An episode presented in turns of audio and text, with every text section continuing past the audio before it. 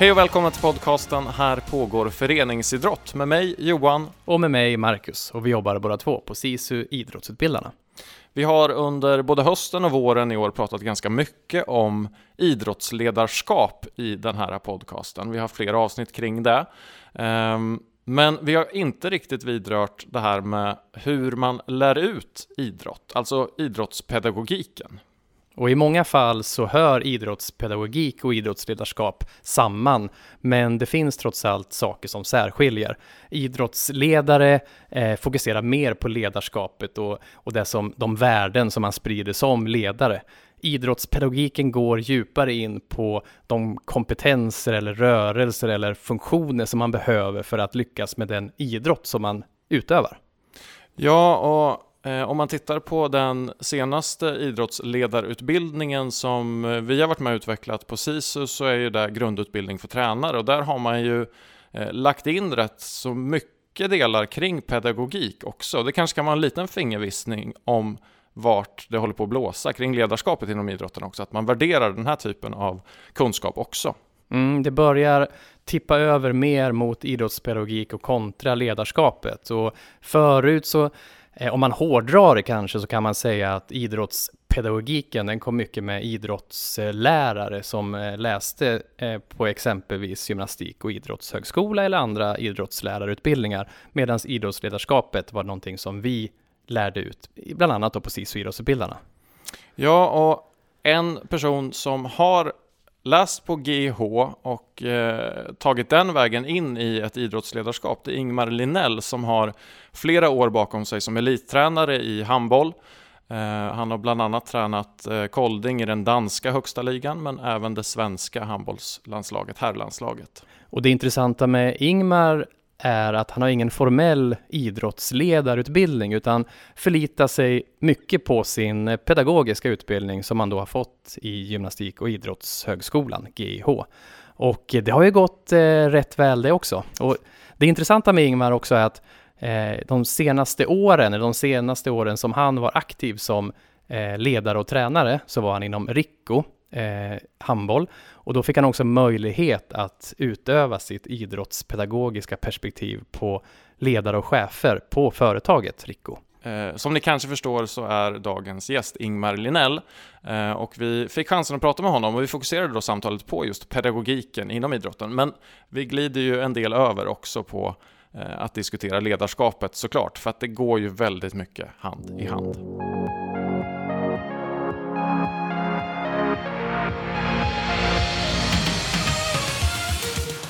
Då hälsar vi dig välkommen hit Ingmar Linell. Ja, men tack för det. Jag eh, är ju lärare i botten. Har jobbat eh, många år i skolan och eh, 15-16 år som lärarutbildare på GH Stockholm. Dessutom har jag haft ett brinnande intresse för idrott. Fotboll till att börja med, sen blev det handboll. Där har jag varit tränare i olika sammanhang och hamnade i Danmark och jobbat där som både tränare och eh, sportchef i många år på elitnivå. Eh, och sen jobbar jag med U21-landslaget herrar och även A-landslaget herrar i mitten på 2000-talet. De senaste åren har jag jobbat sex år med eh, chefsutveckling kan man säga på, på Rico eh, företag. Mm. Och vi ville prata lite grann med dig om pedagogiken inom idrotten, för det är ju någonting som vi kanske pratar ganska lite om, trots att vi hela tiden lär ut saker inom idrotten. Eh, har du gjort några reflektioner kring det här? Ja, men jag har ju fått lite mer frågor nu när jag är 65 och flintskalle än vad jag fick när jag var ung och pigg på GH. om just de här eh, ställningstaganden man har som ledare i eh, hur fungerar inlärning och hur lär jag ut saker. Och det tycker jag är superintressant. För jag tror att eh, i lärarutbildningen har det alltid funnits och varit otroligt viktig. För där ska vi nå alla. Eh, men i idrottsvärlden tror jag man har varit lite isolerad från just de här frågorna och jobbat för mycket mer med organisation, eh, ramar, eh, tydlighet och kontroll vilket man har gjort fantastiskt bra. Men lite mindre tycker jag med de mjuka frågorna i hur fungerar barn och hur lär barn in olika moment och eh, hur kan vi jobba med att utveckla pedagogik? Vad tror du beror på att den frågan har blivit aktuell nu då när du är lite tunnhårigare? kan ju vara så att en del ungdomar, eh, vad jag har hört och läst om, eh, säger ifrån lite grann nu, väljer andra intressen. Det gör ju också att man måste se vilken kvalitet har vi, hur kan vi nå barnen igen och, och, och det är ju både i skolans värld och i idrottens värld. Det väl sunt att tänka till lite, tycker jag. I min värld har jag alltid jobbat väldigt inkluderande med min pedagogiska grundtanke även när jag varit elittränare hur får vi in pedagogiken igen i ett ledarskap? Alltså jag tror att den, den finns men den har inte varit så tydlig kanske. Vi kanske måste fram, eh, föra fram de ledare som verkligen jobbar mycket med de här frågorna faktiskt redan idag. Det kanske har varit lite för mycket titta på de som hållit på med idrotten förut. De föräldrar som har varit inblandade i idrotten förut är viktigare än de som kanske har jobbat på skola eller fritids som är pedagogiskt utbildade. Och tillsammans kan man göra en bra verksamhet. Eh, ta in alla kunskaper som finns i föräldraleden och i föreningsverksamheten och kanske uppvärdera lite grann de här som sitter på lite mer pedagogisk kunskap och, och blanda det med den som sitter på en sorts faktakunskap då inom sin idrott mer. Vad skulle du säga vi behöver jobba på inom idrotten just för att utveckla pedagogiken? Finns det några saker som du tänker att det här skulle vi behöva se över? Ja, alltså det, det går inte att kopiera en gammal lärobok som vi hade kanske för 20 år sedan utan samhället har ju förändrats och, och det är mer ur ett självintressant perspektiv idag än vad det var tidigare. Och jag tycker att det egentligen bara är positivt. Det är otroligt viktigt att vi kommer ihåg de positiva bitar vi gör i idrotten idag redan. Men kanske att vi måste nå individen lite mer men ändå ha dem i ett sammanhang. För det är ingen tvekan om att vi människor behöver också en tillhörighet. Eh, och om vi nu jobbar mer med de mjuka frågorna så får inte det bli flummigare än tidigare utan snarare ska vi ha en tydlighet och en bra ram i verksamheten. Men kanske jobba lite mer efter var individen står någonstans och vilka behov de har mer än att vi har en sorts linjär pedagogik som, som vi ska utveckla dem utefter. Mer utveckla dem utefter deras egen inlärningskvalitet, möjlighet och, och vilken nivå de är på just då. Och om vi som ledare ska se människan och se individen i exempelvis idrotten här då.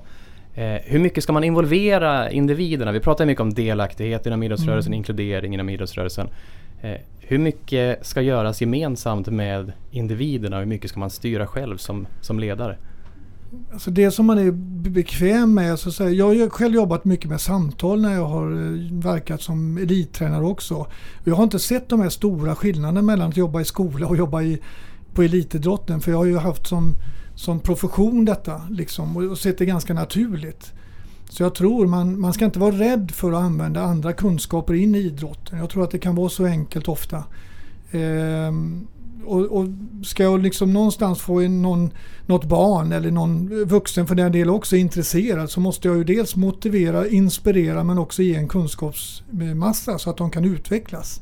Så de tre bitarna tycker jag är viktig att jobba med och inte bara kunskap utan då motivation och inspiration också.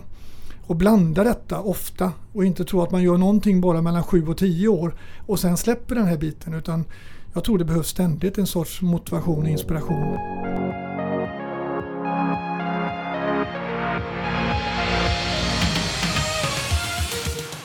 Du var inne tidigare på motivation och att motivation är en viktig faktor för eh, sin, sitt idrottande som utövare och ledare. Eh, finns det möjligheter att genom pedagogiken påverka sina idrottares motivationsnivå? Jag tror att, jag tror att det verkligen är så. Jag, är, jag har blivit lite influerad från Danmark. Det, dit kom ju jag med ett färdigt svenskt koncept till elitträning med styrkemodeller, Eh, ett försvarsspel i handboll som var väldigt eh, uppdaterat. Vi var världsledande. Eh, och jag såg väl inte riktigt som det här med att ta in andra influenser som så viktigt för mig utan jag hade ju facit. Jag fick revidera den ganska omgående för de hade en otroligt individuell spetskompetens i Danmark och var väldigt bra på att lyssna och ta till sig men också hade de en sorts behov av att eh, tillfredsställa sina egna kunskaper på ett annat sätt än vad jag var van vid. Så jag var tvungen att släppa lite grann på det här och fick en bra, tycker jag, substans i att jobba med motivation och inspiration och allting var inte efter en linjär utvecklingskurva. Och eh, det jag ser idag som är lyckligtvis ny litteratur på detta området eh, ILP, icke-linjär pedagogik, en formidabel bok som man kan läsa och, och, och, och grotta ner sig lite i. Man har äntligen slått ihjäl det här med att alla ska ha 10 000 timmar för att lyckas. För jag har ju sett motsatsen hos många som har börjat sent i sina idrotter och ändå lyckas. Ehm, för det finns, alltså ledarskapet är mer komplext och i komplexa idrotter behövs det mycket mer olikheter i ledarskapet eh, för att lyckas idag tycker jag. Jag tycker man märker det också på mycket eh, alltså ungdomsledare och det, att man känner att man inte riktigt hinner med allting som finns runt omkring. Och du är inne på det att det är så viktigt då att vi får in fler som kan komplettera varandra samtidigt som vi då också brottas med att vi säger i alla fall att det är färre som vill engagera sig, åtminstone under en längre tid. Eh, så att, och där tror jag det är så viktigt då också att lyfta upp de andra värdena än bara mm. de idrottsmässiga mm. för att då finns en möjlighet att de här ledarna tycker att, eller föräldrarna som det ofta är, att ja, men just det, men jag kan ju bidra med det här. Jag kan ju ingenting om handboll i det här fallet då, men jag är ju faktiskt förskolepedagog så att jag har en viss pedagogik mm. som jag kan ta med mig in mm. i, det, i mitt barns lag till exempel. Men då måste vi värdera den typen av kunskap också. Uh, och det kanske vi har slarvat lite med de senaste åren, är min bild i alla fall.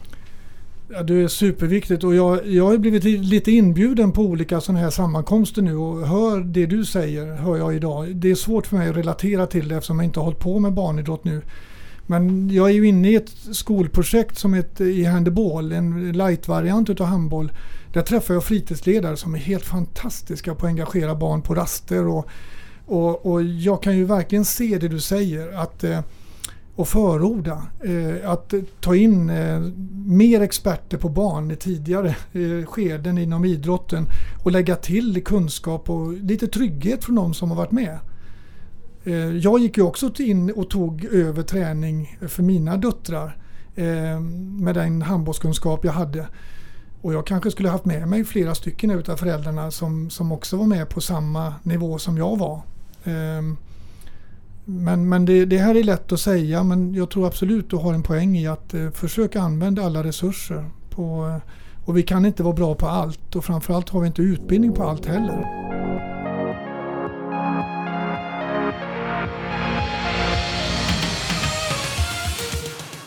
Du berättade också att du har jobbat inom företagsvärlden nu senaste åren. Eh, vad har du gjort för reflektioner kring det då när man liksom mellan företagsvärlden och utvecklat ledarskap där eh, sett till ditt eget ledarskap som, som tränare?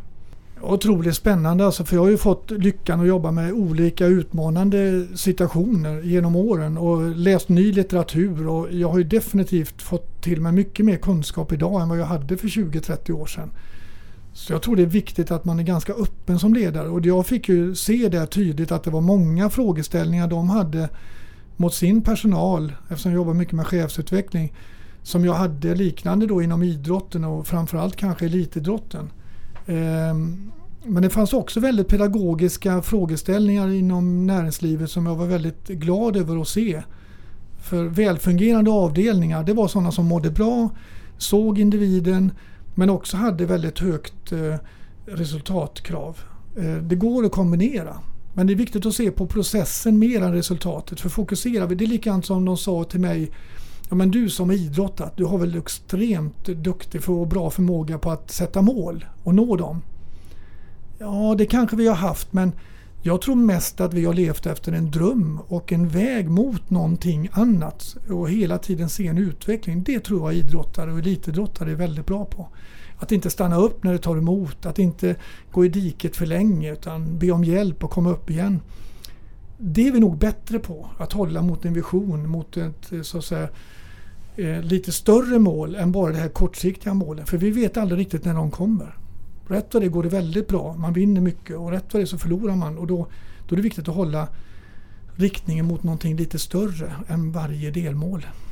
Jag förstår ju att det är tämligen omöjligt, även om det vore en önskvärd tanke kanske, att alla idrottsledare gick i GH eller någon sorts pedagogisk utbildning. Men finns det ett enkelt, någon checklista eller någonting som man kan utgå ifrån om man som barn och ungdomsledare kanske framförallt då vill sätta sig in i frågorna lite mer och fundera kring sitt eget ledarskap? Men jag tror att bara att väcka frågan mer idag är intressant och att eh, idrottsrörelsen gör det och tittar mer på individen och det kommer lite nya olika forskningsinriktningar på det här med självledarskap och eh, hur man kan få sina ambitioner uppfyllda. Och jag ser ingen liksom motsatsförhållande till att titta på process och ha det bra och må bra och även ha en resultatinriktad verksamhet. Idag min personliga, högst personliga åsikt är att vi pratar för mycket om det ena eller det andra. I min värld så har jag alltid gillat att hålla på och tävla och utmana mig själv ganska mycket. Jag var en sån individ. Ehm, men alltid också tyckt om att ha kul tillsammans och göra roliga saker vid sidan om. Och jag tror faktiskt att det behöver inte vara något motsatsförhållande nu heller. Man måste kanske hantera det varsamt. Ehm, jag tror inte bara det är enkelt att ta bort alla serietabeller utan det är mer hur gör vi träningar? Hur gör vi verksamheten? Hur har vi våra samtal? Hur ofta ger vi positiv feedback istället för att ge någon tillrättavisande feedback? Hur pushar vi de egenskaper man har mer än att titta på de man inte har? Ehm, det är ju det ledarbeteendet.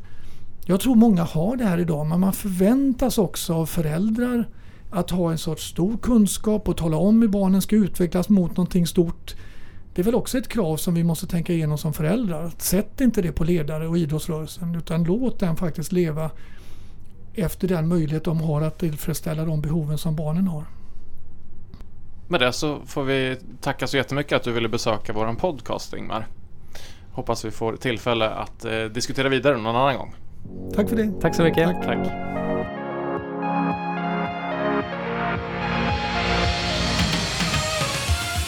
Du har lyssnat på ett avsnitt av podcasten Här pågår föreningsidrott som görs av SISU Idrottsutbildarna. I dagens avsnitt gästades vi av Ingmar Linell som pratade om idrottspedagogik. Vill du komma i kontakt med oss i podden så gör du det absolut enklast via vårt Instagramkonto. Där heter vi samma som podden, Här pågår föreningsidrott. Du kan även mejla oss på e-postadressen podd rfsisu.se. Vi hörs igen nästa vecka.